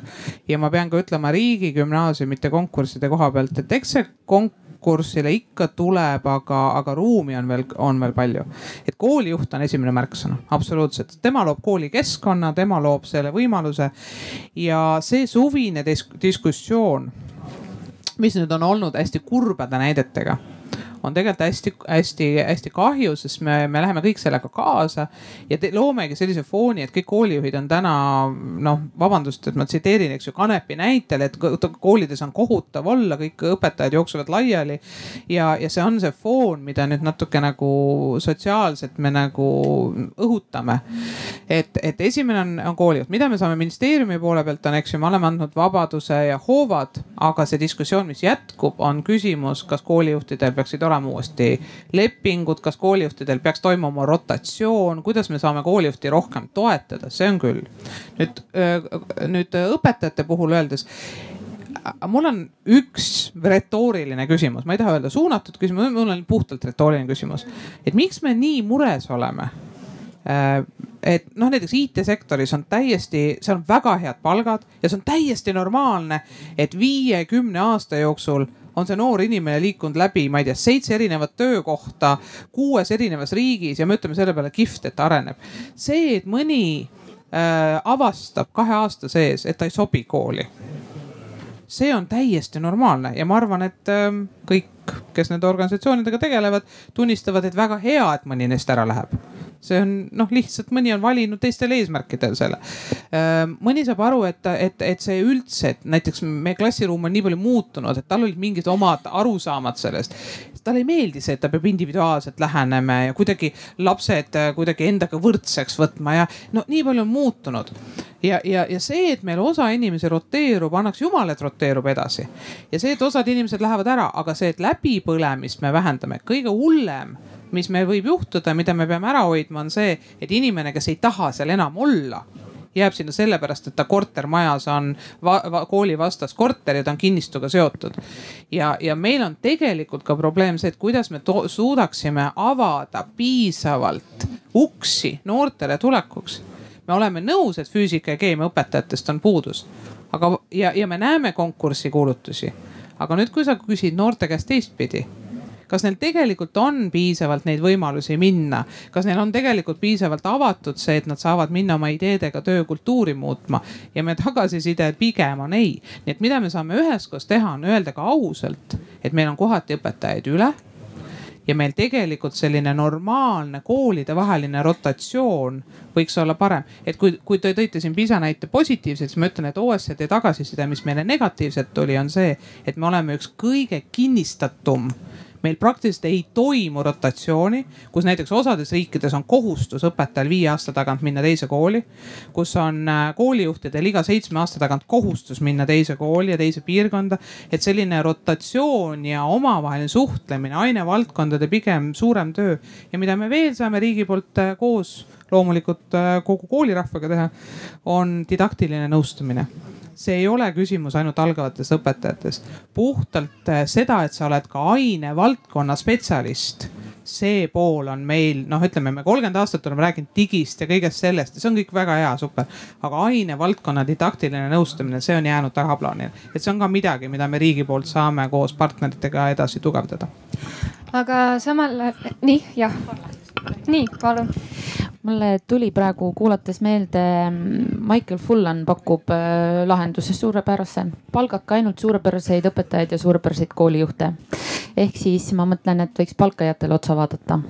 Ja kui palkaja ei ole mm, pädev, siis võib-olla peab palkaja muutma, et äh, palkajaks peab muutuma keegi teine teine asi, õpetaja töösse võiks lisada natukene paindlikkust, et kui õpetaja on neli-viis aastat juba tööd teinud ja tunneb, et tahab midagi veel, siis ähm, noh, ilmselt kui sada protsenti õpetajaid nii tahab, muutub see pisut keeruliseks, aga vähema protsendi puhul täiesti realistlik, et ta on koolis kolm päeva ta on täiskohaga tööl ja ta saab teha kahel päeval midagi veel. kas ta tegeleb siis kuskil vabatahtlikuna, veab ta mm, osaühingut, tegeleb MTÜ-s, vahet, vahet pole nii mõte, mis vajab nagu raha, õpetajale võiks, õpetajal võiks olla ka nagu arstil, kes rääkis arstist, on residentuuri aasta. et tal ei ole mitte mentor, vaid et ta töötabki koos kogenud inimesega kas siis aasta või kaks, kes kui kiiresti jõuab teeb oma, ma ei tea, lõpliku õpetaja eksami siis ilmselt peale seda ja on sel juhul valmis. et ta ilmselt vajab investeeringut, aga lõppkokkuvõttes võib-olla tuleb odavam välja. ja neljas asi, kui me seda kõike teha ei suuda, anname selle hariduse erakätesse. Nad teevad selle ära väga meeldiv. nii, ma annan Kainole ja siis, siis siin oli ka Kristil, Kristi soovid sina ka võtta sõna? ei soovi? ma ja saab ka, nii. see pole väga kuluefektiivne, et sa annad õpetajale kaks päeva vabaks vahepeal, aga noh, see selleks. et me räägime hästi koolijuhist ja see on kindlasti oluline ja õpetaja. aga me unustame sageli ära ja seda on ka tunda vahest äh, olgu selleks siis eelarve läbirääkimised omavalitsuse tasandil või kuskil, et koolis on veel palju teisi inimesi, kellest äh, õpetaja toetus sõltub ääretult palju. alustame kasvõi sellest samast valvurist või kuni tugitöötajateni välja ja kes ikkagi väga tugevalt kujundavad koolikultuuri. jah, loomulikult see on juhi, juhi, äh, juhis ka väga suures osas kinni, mis meeskonnad omal loob, aga sageli ja eks piirkonniti on see erinev, äh, on käed seotud. et me unustame ära sageli, et äh, kes need õppejuhid üldse koolis on või kui me räägime tänapäevasest, siis toetusest, siis ütleme, et selline klassikaline struktuur noh, on koole, kus enam ei, toi, ei ole nii, aga ikkagi klassikaline struktuur kipub olema direktor ja õppealajuhataja ja majandusjuhataja ja kõik onju. Ja huvijuht ka. siis me saame väga hästi aru tegelikult, see täna ei toimi enam. ja seal, aga miks see nii on, siis eks sellel on ka samamoodi need omad põhjused, et kas ei ole neid võimalusi loodud või ei tahetagi aru saada, et, et midagi teha teisiti. Nii, meil oli siin üks küsimus või ilmselt lahenduse pakkumine, ma loodan, et see on lahenduse pakkumine ma loodan küll, et see on lahenduse pakkumine, mina olen Ene-Mall Pernik, esindan siin praegu haridusfoorumit. Eh, ma olen seitse aastat olnud ühe külakooli direktor ja kui ma sinna läksin, siis ma mõtlesin, et no mis see küll on, mida ma võiks kooli heaks ära teha. ja ma sättisin esikohale ühe asja, mis on täna siin väga palju kõlanud, mistõttu ma arvan, et see on üks õige asi. Ja ma ütlesin endale, et kui sa muud ei suuda teha siis tee seda, et keegi ei pea hommikul tulema majja hirmuga, mis siin täna hakkab juhtuma koolis on lavavalamikku, lavavala, esinemispalavikku küll ja veel. kedagi küsitakse, keegi küsib, kedagi, kellegi tundi külastatakse. on küsimus, et kas tema minust hoolib ja kas tema minust hoolib ja nii edasi. Need emotsionaalsed pinged ei peaks kedagi majas blokeerima nii, et konstruktiivne tegutsemisvõime kaob ära siin on praegu koolikeskkond kõlanud rohkem kui korra. On neid, eh, kes räägivad selle kasuks, et, et Eesti koolikeskkonnaga ei ole väga midagi viga, mulle väga meeldis. kuidas saaks neid keskkondi teha paremini, paremaks, mis ei ole ja head? Eestis on olemas uuringud koolikeskkonna uuringud ja need puudutavad just nimelt üldhariduskoole. Need on Tallinna Ülikooli Eh, mis nime all ta iganes siis oli, tehtud uuringud, mis räägivad nelja tüüpi koolikeskkonnast Eesti koolis. ja neid koolikeskkondi siis kümmekond aastat tagasi, mis tõesti olid õppimist soodustavad ei olnud protsentuaalselt palju. umbes kümme. ehk siis peaks olema rohkem keskkondi, mis õppimist soodustavad. kõigepealt teeme selgeks, mis siis on nende koolikeskkondade sisu, ei ütle lihtsalt, et koolikeskkond nii ja teisiti. meil on uuringud olemas, neid võiks korrata, me saaksime selle muutuse ajalise ja me saaksime sealt kätte selle kirje, missugune koolikeskkond see on, mida me soovime ja me saaksime saaksime igale sellele koolikeskkonna tüübile kujundada tegevuskava, kuidas temast saada see koolikeskkond, mida me tõepoolest soovime. koolikeskkond on üks võtmesõnu, koolimiljöö on üks võtmesõnu. okei okay,, suur-suur aitäh teile me äh,, me peame kahjuks hakkama vaikselt kokku tõmbama. hästi väike kommentaar sulle, Triin ja siis lõpusõnad. aitäh, et ei saa veel ümber sellest äh, lahendusideest, mis siit äh, juba ka Ene-Mall Verniku sõnavõtus minu jaoks ka on koorunud ja mida me oleme ka varem, varem tabanud, on see, et et, äh, et me peaksime hästi selgesti teadvustama, et meil on koolikultuurid ja keskkonnad on väga erinevad ja sellest tulenevalt ka õpetajatele see mõte, et kui sa oled parasjagu keskkonnas, mis sind ei toeta, et siis vaadata julge pilguga ringi ja leida need koolid, kus on sinu jaoks sobivad väärtused, töökorraldus, juhtimine ja nii edasi, et neid inimesi on erinevaid, eelistusi erinevaid, aga et teha seda nähtavamaks. ja näiteks ka, et üks sihuke konkreetne mõte oleks see, et huvilistele, kes sooviks teada rohkem erinevatest koolidest Eestis, et võiks näiteks teha ka selliseid väikesi õpirännakuid, et külastada erineva näoga koole ja päriselt saada aru, et näiteks, et kui ma ühes koolis ei, ei toeta see mind, et siis ma saan minna teise. nii, aitäh nii. erinevatega. erinevate koolide pealt, meil, äh, me oleme rääkinud siin probleemidest. Äh, me oleme rääkinud siin lahendustest, et mida peaks pakkuma ja mida pakutakse. on kõlanud didaktiline abi, on kõlanud mentordamine, on kõlanud see, et äh, või vajadus selle järgi, et õpetajal teekonda peaks rohkem suunama oli veel väga põnevaid mõtteid sealhulgas. õpetaja residentuur näiteks oli ka veel väga põnevad mõtted, et anname hariduse erakätesse.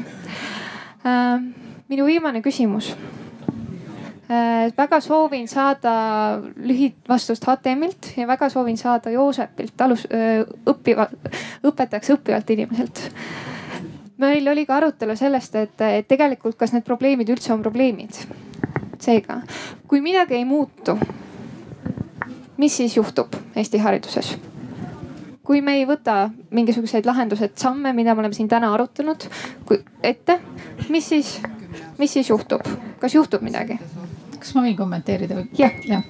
Ehm, üks asi, mis ma tegelikult juba tükk aega mõtlesin ja, ja mis võib-olla sobibki siin selle kogu selle toreda ettevõtmise lõpetuseks, et meil on, et ma arvan, et umbes viie aasta pärast või natukene enam oleks väga huvitav pidada sedasama diskussiooni, sest kui me nüüd mõtleme seda, millised on olnud need positiivsed arengud, õpetajakoolituse selline nii-öelda või positiivsed trendid, mis on toimunud, see, kui palju on läinud täna enam õpetajakoolitusse õpetajaks õppida soovijaid, kui palju on tegelikult loodud neid neid äh, häid algatusi, mis, mis, mis koolisüsteemi või kooli toetavad või koolijuhte toetavad, äh, siis kaasa arvatud äh, alustavate juhtide programmid, tulevikujuhtide programmid ja nii edasi, et tegelikult on, on täna selles mõttes selline väga hea seis, et trendid näitavad, et selles maastikul või sellel maastikul toimuvad positiivsed muutused ja ma arvan, et meil võib-olla oleks tõesti mõistlik selle teema juurde tagasi pöörduda siis umbes kolme-viie, natuke enam aasta pärast ja vaadata, kuhu see kõik on viinud. nii et kui öelda, et, et kui täna enam midagi ei muutu, siis tegelikult on tänaseks juba praeguseks hetkeks nii palju muutunud, et, et me võime oodata juba häid, häid tulemusi. aitäh, Joosep jah, et õpetaja, Tartu Ülikoolis õpin äh, õpetajaks ja mm, õpetajaharidus on kindlasti hetkel selline tulevikku vaatav ja, ja paindlik ja selline. aga ma arvan, et hetkel, kui see Eesti keskmine õpetaja on nelikümmend üheksa kanti, et tõesti, me peaks tulema tagasi kümne aasta pärast, vaatame siis et ähm, siis võib-olla ei ole enam võimalik edasi minna, ilma et me kohapeal ei tee mingit konkreetset äh, muutust, lahendust et praegu välja käidud ideed on äh, igati huvitavad, head. ja mina igastahes vaatan positiivselt oma alustavasse tööaastasse. väga tore, Mari-Liis. kui midagi ei muutu äh, või kuidas see küsimus oligi? kui me midagi ei muuda, siis mis? kui me midagi ei muuda, siis mis juhtub? Tea, kui ma viimast äh, TALIS uuringut lugesin, siis äh, mul oli hea meel lugeda, et näiteks õpetajaameti maine on väga jõudsalt kasvanud, eriti alustajate seas on see eriliselt kõrge. ehk äh, kui me jätkame enam-vähem samas, samade asjadega, samas tempos ehk siis suuri muutusi ei tee, võib-olla see protsendid seal kasvavad veelgi viie aasta jooksul mm, kui me midagi ei teeks viie aasta jooksul. ma arvan, me ikkagi peame midagi tegema viie aasta jooksul, sellepärast et äh, üks, äh, üks asi, mis on toimunud viimase kümne aasta jooksul, mida sa ise välja tõid, on see, et meil on koolis järjest enam, ma arvan, et viie aasta pärast meil on tegelikult koolis enam inimesi ilma õpetajahariduseta kui neid, kellel on õpetajaharidus. see tähendab, et üks asi, mis viie aasta jooksul peab muutuma, on, on see, et äh, küsimus, et kuidas me tegeleme äh, nende inimestega, kes kooli tulevad ilma õpetajahariduseta, nii et, et see amet ei deprofessionaliseeruks, et, et äh, need inimesed saaksid väga-väga hästi hakkama ja, ja elaksid kiiresti sisse, siis võib-olla teine asi, mis kindlasti ei tohiks mitte muutuda viie aasta jooksul, on see töö, mida tehakse sellise toetava ja tagasisidestava koolikultuuri loomisel. et kui et see oleks üks asi, äh, kui see viie aasta jooksul, kui see jääks samaks, siis äh, isegi kui need äh, inimesi tuleks kooli juurde, siis see statistika viie aasta pärast, kui räägiksime, oleks ilmselt sama. kui ma tahaks, et midagi muutuks viie aasta jooksul, siis esiteks see, et me õpiks, õpet-, õpiksime paremini toetama neid inimesi, kes tulevad mujalt ilmselt täitsa uute lahendustega. me näeme, et nad õpetajakoolitusse enamjaolt ei tule, siis kuhu kuhu nad tuleks, on esimene küsimus ja siis äh, teine, teine küsimus, et kuidas meil viie aasta pärast äh, see toetav tagasiside, tagasisidestav kool ei oleks enam loterii, nagu Triin ütles. nii me, me nüüd kahjuks peame lõpetama äh,. aitäh teile, et te tulite siia, aitäh, et te arutasite, aitäh, et te kaardistasite probleeme, olemasolevaid lahendusi ja potentsiaalseid lahendusi. see teema on tõsine ja lai nagu me täna äh, käsitlesime. teeme suure aplausi kohalolijatele